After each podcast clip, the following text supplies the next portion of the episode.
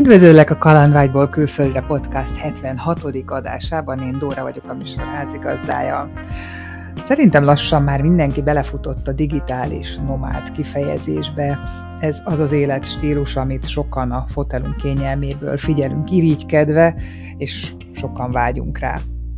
Ebben az adásban Zoltánnal, vagy ahogy sokan ismerik, Zoli Explorerrel beszélgetek erről a témáról, kiderül az adásból, hogy hogyan valósította meg ezt az álmát, hogy helyfüggetlenül dolgozhasson, hogyan lett természetfotós hobbiából már a pénzkereső vállalkozás, és hogy szerinte bárkiből lehet-e digitális nomád. Ha tetszett az adás, nyomj egy lájkot, és hogy ne maradj le a következő részekről, iratkozz fel a csatornámra.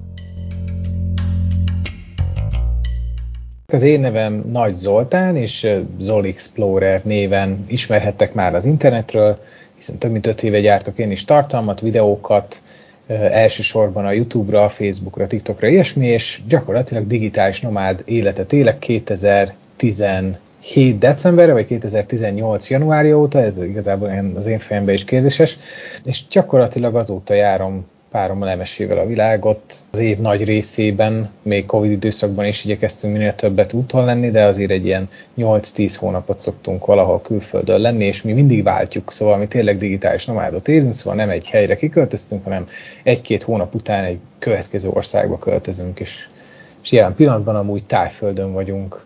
Két hónapig, és az előző két hónapot meg Balin töltöttük, a következő hármat meg Vietnámba fogjuk úgy tudom, hogy elég tudatosan készültél erre a fajta életformára, hogy így szabadon járhass a világban. Hogyan indult ez? Mi adta az indítatást, hogy, hogy digitális nomád legyél? Igazából ezt egy tenerifei út indította el bennem, 2017. januárjában. Ez úgy nézett ki, hogy én akkor Angliában éltem már, majd négy éve, vagy három, három és fél éve éltem Angliában, vállalkozó voltam, és indítottam a vállalkozásom mellett egy új vállalkozást, ami teljesen így helyhez kötött volna. Ez, ez egy ilyen pólónyomtató cég volt, mert ilyen nagyon kicsibe kell gondolkozni, a nappalimba vásároltam gépeket, meg minden, és akkor ott elkezdtem csinálni, de rájöttem azt, hogy ez túl nehéz ahhoz, hogy csak úgy valakit odaállítsak, amikor én mondjuk elmegyek egyet utazni, vagy, vagy bármit akarok csinálni, a rendelések meg jönnek, függetlenül attól, hogy én nyaralok. És akkor rájöttem, hogy én nagyon-nagyon szeretek utazni, de hogyha én ezt megcsinálom, akkor évekig én a saját kis rabszolgám leszek, és egy ilyen tenerife út közben jöttem rá, hogy nem lehetne úgy keresni pénzt, hogy úton vagyok. Tehát, hogy, hogy igazából már az is zavart engem, hogy, hogy ugye teljesen egy helyre vagyok kötve, az év nagy részében dolgozok, és akkor van a pár hét, mondjuk évente egyszer el tudok menni egy, egy hosszabb nyaralásra, meg mondjuk egy rövidre, hogy hazalátogassak Magyarországra, és ez nekem így nagyon nem tetszett, és ezt az arányt akartam megfordítani. Tudod, hogy, hogy kicsit kelljen mondjuk lennem egy helyen, és nagyon sokat ott, ahol akarok. És, semmi más nem csináltam, beírtam a Google-be, hogy how to make money online, és ez elindított bennem egy, egy folyamatot, és nem is tudom, 10, körülbelül 11 hónappal később fölmondtam a munkahelyemen, és azóta úton vagyok. Na és hogyan lehet pénzt keresni online? Hozd meg velünk. Hát azért ez, ez nem, nem indult nagyon egyszerűen. 1024 dologgal foglalkoztam, meg kipróbáltam, meg, meg ugye a Facebook, meg, meg a YouTube, főleg a YouTube tele van ilyen túl optimista hozzáállású emberekkel, akik azt mondják, hogy ez ennyi az egész, és hát azért a legtöbbről ez, ez sajnos kiderült, hogy nem így van. Úgyhogy azért én is megjártam a hadak útját, és pont most csináltam úgy egy tanfolyamot arról, hogy hogyan kell pénzt keresni az interneten, mert én, én igazából 17 éve vagyok vállalkozó, talán, vagy 18, nem is tudom, szóval, szóval nagyon-nagyon-nagyon régen benne vagyok már ebben a, a vállalkozósdiban, de az online tér az, azért ugye elég más, és azt is csinálom most már több mint öt éve, vagy, vagy durván öt éve, igen. És, és azért ez az öt év, ez, ez annyira szépen lecsiszolódott, hogy most már tényleg nagyon átlátom, hogy hogyan kell ezt csinálni, és igazából nagyon leegyszerűsítve a válasz a kérdésedre, az, ez meg kell tanulni, értéket teremteni az embereknek, és azon felül meg kell tanulni, hogy ezt hogyan szállítsuk az embereknek, hogy az kívánatos legyen. Ennyi az online pénzkeresésnek a, lényege. Én szerintem a legtöbb ember abba a csapdába esik, hogy nagyon-nagyon alkalmazotti gondolkozású, és mindig azt kérdezik, hogyan szerezhetnék nekik egy online munkát, de a munkákra jelentkezni kell, tehát hogy arra nem tudok megtanítani, arra meg kell nézni, hogyan kell munkákra jelentkezni, csak az a baj, hogy Magyarországon nem nagyon vannak még ilyen online munkák, az emberek nagy része meg nem beszél olyan jól angolul, vagy németül, vagy spanyolul, hogy ilyen nagy cégektől, szóval kénytelenek vagyunk saját vállalkozásba gondolkozni, ami, ami azért nagyon jó, mert én speciál sokkal-sokkal jobban keresek, mint hogyha valószínűleg alkalmazott lennék valahol, és sokkal-sokkal szabadabban is élek, szóval tőlem félni kell, hanem meg kell tanulni jól csinálni. Én ezt szoktam mindenkinek javasolni. Mit vállalkozol? Többször említetted, hogy évek óta vállalkozó vagy, azon túl, hogy most oktatod, hogy hogyan lehet pénzt keresni. Mivel foglalkozol még?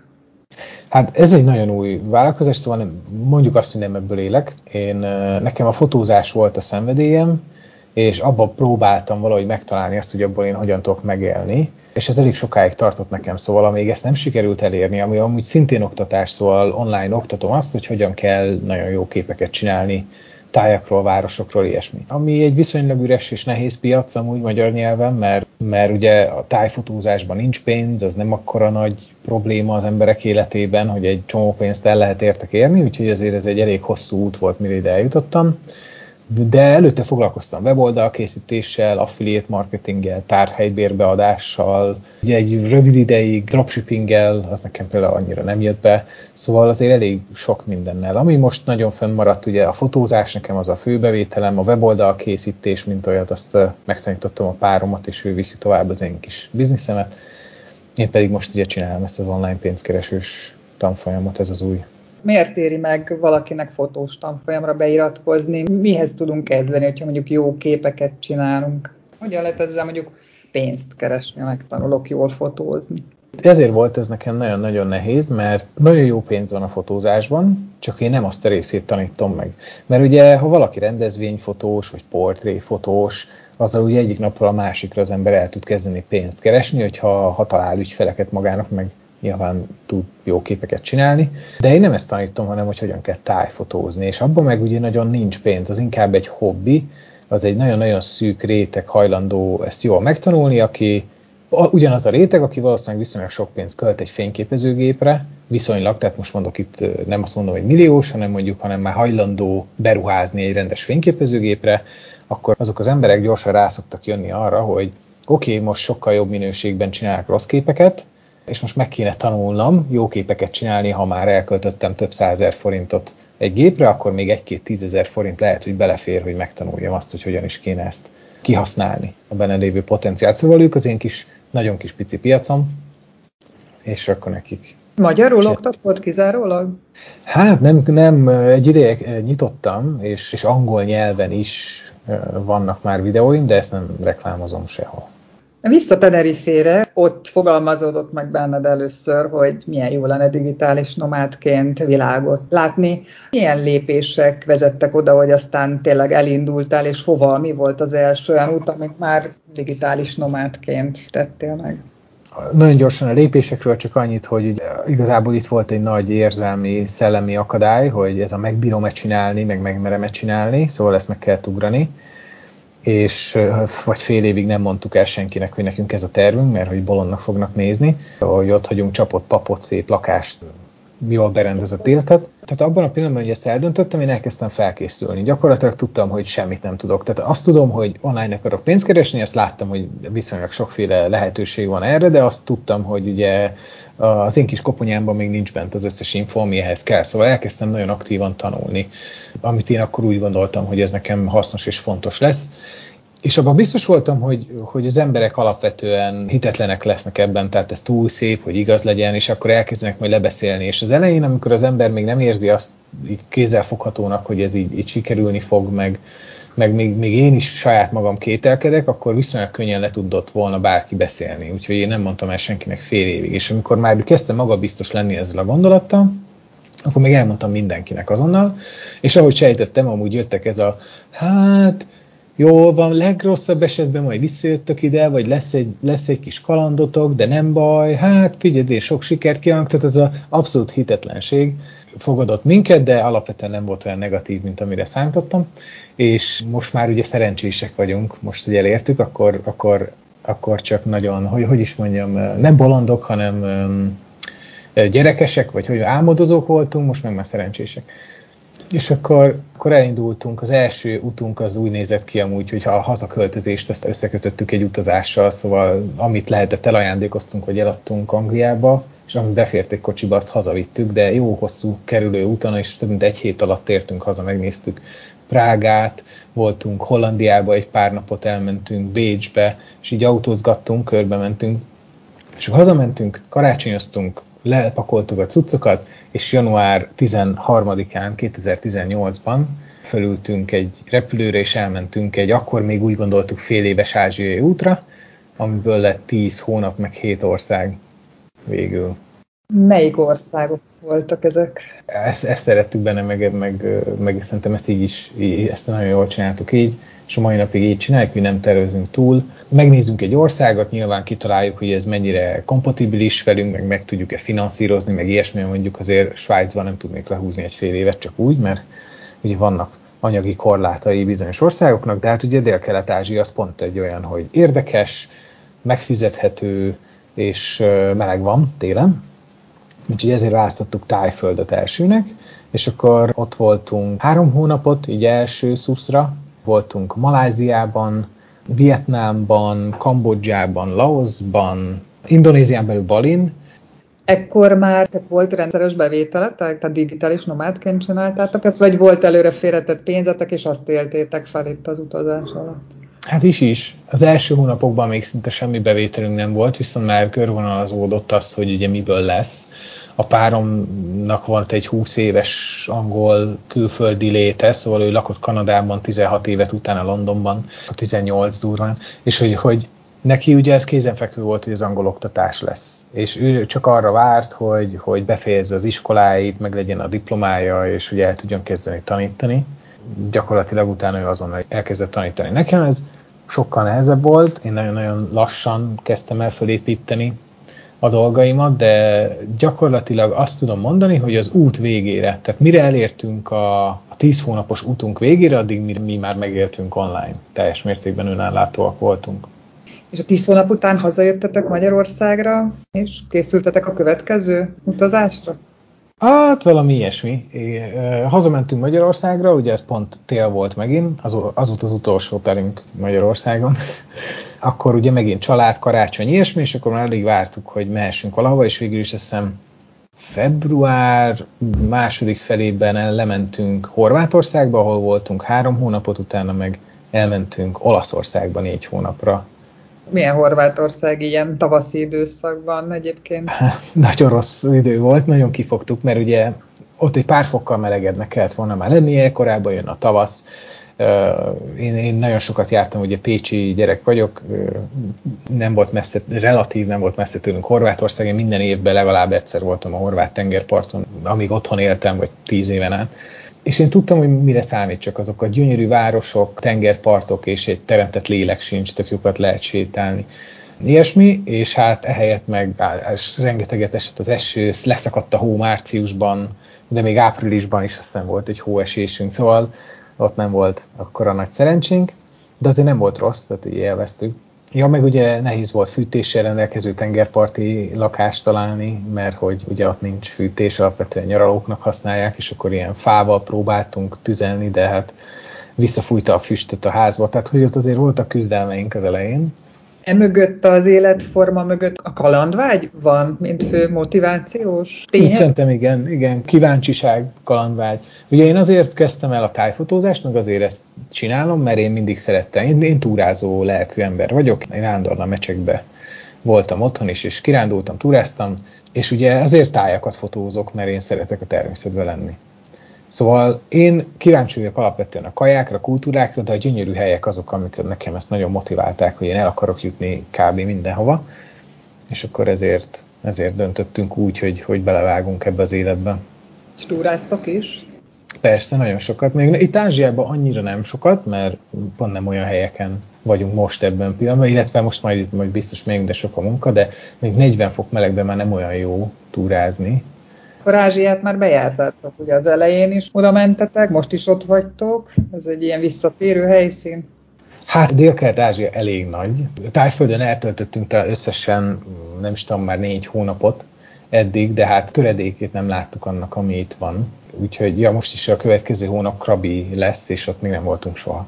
Úgyhogy azért itt még nagyon-nagyon-nagyon sok minden van. És Ázsiába visszavágytunk, mert itt egy teljesen más a millió, ugye meg téli de- destináció azért, mint Európában problémás. Tehát két telet már lenyomtunk a Kanári-szigeteken, nagyon szeretjük, de mondjuk minden telet nem szeretnék a Kanári-szigeteken, és nagyon más nincs, ami télen jó idő van ott, ami ugye közelben van. Mi az még, ami ennyire jó a tájon, az ételen, még az időjáráson kívül? Azért ezt mindenkinek javaslom, vagy, vagy, vagy kívánom, hogy egyszer kipróbálja azt, hogy milyen, amikor nincs gondod szinte semmire. A legnagyobb gondod a, egy napon az, hogy hova menj ki egyet enni. Mert ugye itt nem főzünk, itt nem mosunk, itt, itt, itt mosodába járunk, meg, meg étterembe járunk minden nap, mert ugye tök megfinanszírozható.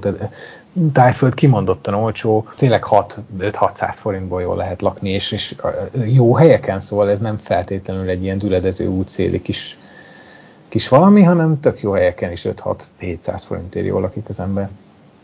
Úgyhogy azért ezt mindenkinek javaslom, hogy próbálják ki, hogy milyen egyszer 3-4 hónapon keresztül nem kell főzni, nem kell takarítani, nem kell mosni, semmi. Bárkiből lehet digitális nomád, szerinted? Én szerintem igen, meg nem. Mármint, hogy a lehetőség nyilván mindenkinek adott, de nem mindenki alkalmas rá. Tehát, hogy egyszer, ahogy mondtam, ha valaki túlságosan benne van ebben az alkalmazotti viszony dologban, és nincs egy olyan végzettsége, ami alkalmasá teszi egy online munka elvégzésére, akkor ő nekik annyira nem, de amúgy én azt mondom mindenkinek adott. Tehát ugyanazhoz az internethez férünk hozzá. Ez olyan, mint, hogy is mondjam, hogy mindenki alkalmas arra, hogy pék legyen csak meg kell tanulni, hogyan kell sütni. Tehát, hogy az ember nem úgy lesz pék, hogy pék akarok lenni, és nézek YouTube videókat, hanem elmegyek, és megtanulom valakitől, aki tud pékeskedni. De ennyi, ennyi az egész. Meg kell tanulni, hogyan kell csinálni, és akkor bárki alkalmas rá, igen. Aki megmeri lépni. Mit javasolsz annak, aki most itt fontolgatja, hogy digitális nomád, szeretne lenni és járni a világot? Mi az, amit mindenképpen jó, ha tud? Hát először is iratkozom be a tanfolyamomra, a viccet félretéve vannak ingyenes, tehát hogy most ugye van már egy ingyenes videó, ami pont azt tanítja meg, tehát hogy, hogy ott az egy 40, azt hiszem két perces videó lett, és nagyon részletesen, te láttad is, Igen. minden igaz. Az elmondom azt, hogy mi az, a, ahogy érdemes megkeresni azt, hogy az ember mivel keressen pénzt, és hogyha ott talál valamit, tehát hogyha ha elvégzi rendesen ott a házi feladatot, amit adok, akkor valószínűleg fog találni több olyan dolgot is. De nem biztos. De hogyha talál valamit, akkor írjon szépen egy listát arról, hogy mit kell megtanulnia, mi az, ami hiányzik ahhoz, hogy ő ezt a célt elérje, és kezdje el megtanulni és megcsinálni. Ennyi. Ez a, ez a nagyon leegyszerűsített változat. Nyilván én a tanfolyamban ennél sokkal részletesebben beszélek mindenről, egy, egy, egy komplet értékesítési stratégiát tanítok meg, amivel gyakorlatilag bármilyen szolgáltatású terméket el lehet adni a neten, és nagyon kényelmesen meg lehet belőle élni, ebből élek én is, és ezt adom tovább de én azt mondom, hogy enélkül is. Én is megcsináltam enélkül, úgyhogy más is meg tudja, csak nekem így évekig tartott, és lehet, hogy hónapokig tartott volna, hogyha valaki ezt így megtanítja nekem. Egyszerűen a piac működése az az, hogy ha elég nagy értéket teremtesz valakinek, hogy fizessen érte, és ezt tudod utána sok emberhez eljuttatni, akkor győztél, akkor megélsz belőle. És ez is például egy ilyen csapda, amiben nagyon sok magyar benne van, úristen mennyi e-mailt kaptam már ez ügyben, hogy hogyan élhetnének meg a YouTube-ból, és amúgy a YouTube-on csináltam erről egy videót, hogy még a YouTube mondjuk fizet nekem 10-20 ezer forintot havonta a videók után, addigra én már nagyon sok százret vagy milliót keresek a YouTube-ból, vagy, vagy a közösségi oldalaimból. De nem azért, mert mert ott a, a YouTube fizet nekem, hanem azért, mert mögé van rakva szolgáltatás vagy termék. Van-e valami olyan történet, amit így szívesen megosztanál, ami ott útközben esett meg veled, vagy úgy érzed, hogy ez biztos, hogy amíg élsz, nem fogod elfelejteni? Hát mm. nagyon sok szép helyen kalandoztatok. Mm. Hát ezer ilyen sztorin van, amit nagyon szoktak szeretni, az például a, a vietnámi korrupt rendőr története, mert hogy ugye főleg amikor az ember ilyen világvégi országba utazik, és a Vietnámot is mi északra délig végigutaztuk, és hát, hogy mondjam, mindenhol az ember bele tud futni egy kis korrupcióba, és hát Vietnám sem kivétel. Úgyhogy éppen egy ilyen sivatagos részen voltunk, Vietnám közepén, Muine közelében amúgy, és megállított egy rendőr az út, úton, és oda jött hozzám, és kérdezte tőlem, hogy van-e jogosítványom, és akkor mondtam, hogy persze, hogy van. És akkor kérdezte, hogy jó, de nemzetközi jogosítványa van? És akkor mondtam, hogy persze, persze, nemzetközi jogosítványom van. És akkor már mérges volt egy kicsit, azt mondta, na jó, de vietnámi jogosítványa van? Mondtam, hogy nem. Akkor jöjjön velem. És, és akkor hát ugye kénytelen voltam vele menni, leszállni a motorról, és mondtam, hogy egy sivatagos rész, tehát egyetlen fa volt kb. a környéken, és a fa mellé beállt egy autóval, és a fa árnyékában, a vízzel vezető csatornában volt egy tipikus ilyen vietnámi icipici kis sámli, műanyag sámli, egy pici asztallal, és bent ült a tiszt az árnyékban. És ez, ez a kis közrendőr, ez oda mindig bement, és akkor vele tárgyalt, és akkor visszajött, és akkor azt mondta, hogy jó, hát akkor két láztási lehetőségem van, 6 hétre lefoglalják a motort, és a kiváltása az valami nagyon sokba kerül, vagy pedig most fizetek egy millió vietnámi dongot, és akkor mehetek tovább. Mennyi? mi?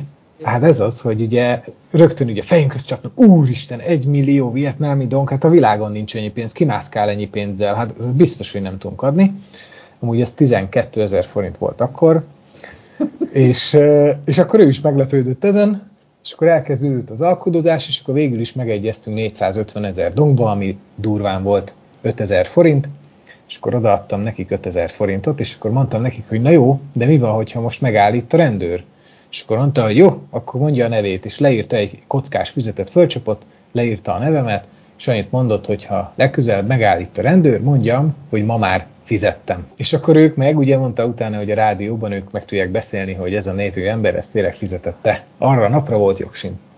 Úgyhogy ez egy jó sztori amúgy, akkor nyilván nem éltük meg olyan nagyon jól, de, de, de azóta az egyik kedvenc ilyen történetünk, hogy, hogy még amikor rossz dolog történik is az emberrel, tehát hogy öt év alatt kb. ez volt a legrosszabb dolog, ami történt velünk, úgyhogy senki ne izguljon azon, hogy világgá megy, és akkor fú, de félelmetes lesz mert volt egy olyan rész, ahol kavicsos úton Dél-Olaszországban, a semmi közepén, egy olyan meredek kavicsos út volt, hogy nem tudott kijönni az autó, kiforgott a kerék, és vagy egy órán keresztül pucoltuk el a köveket az útról, meg egybe próbáltam padlógázzal fölmenni, mert olyan meredek volt, hogy lefulladt a kocsi, hogyha finoman akartam menni.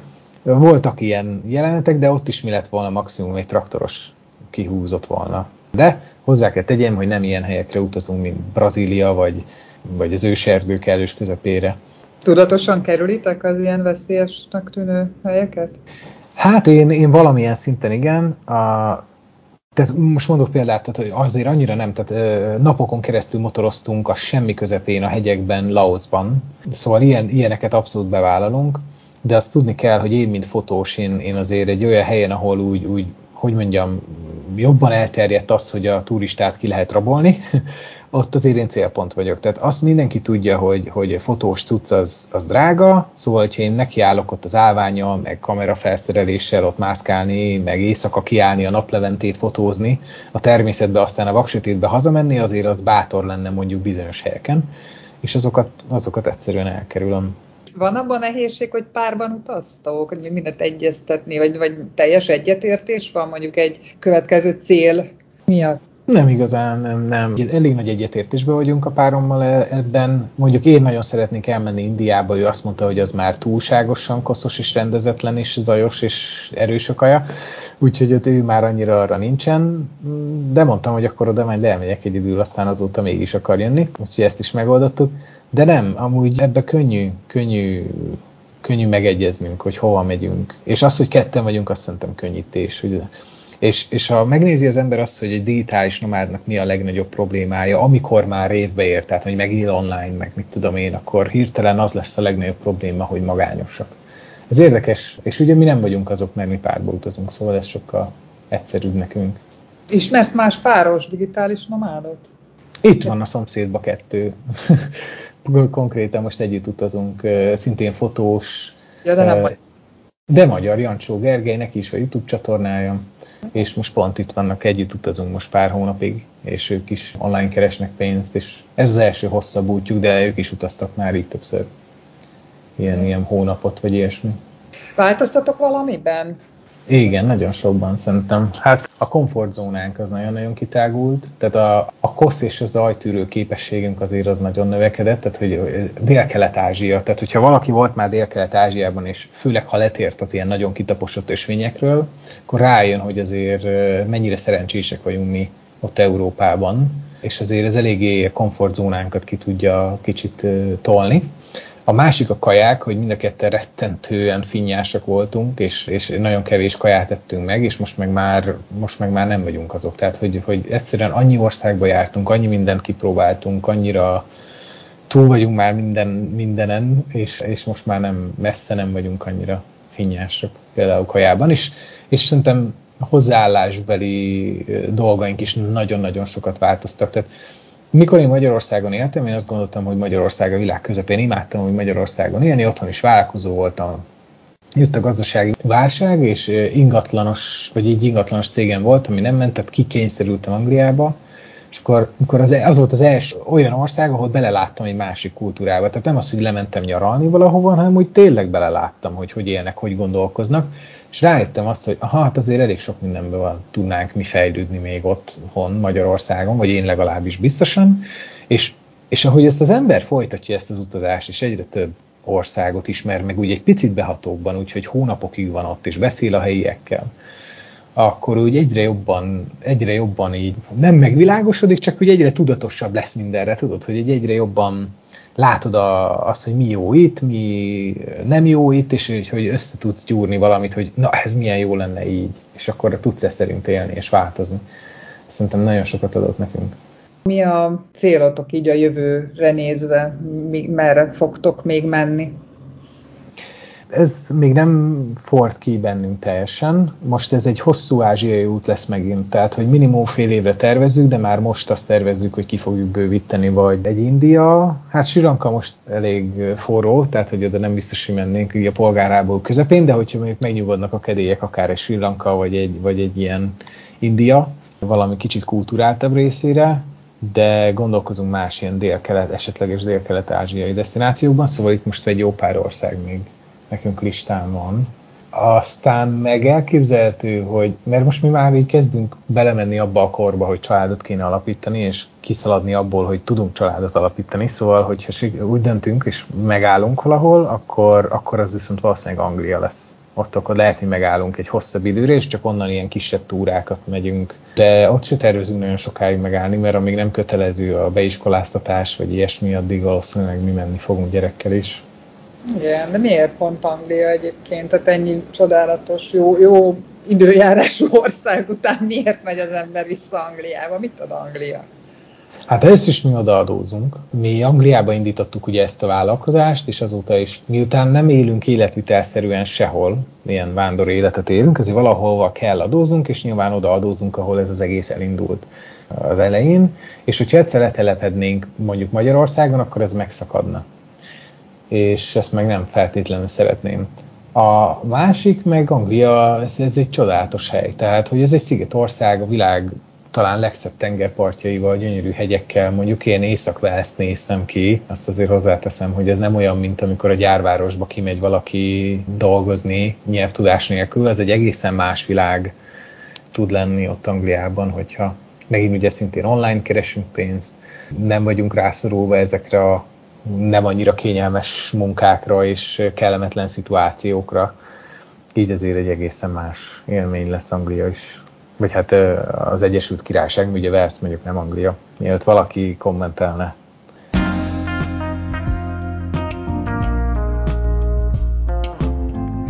Remélem, hogy tetszett az adás. Ha nem szeretnél lemaradni a következő epizódokról, érdemes feliratkozni a csatornára. Találkozunk a következő részben jövő szerdán.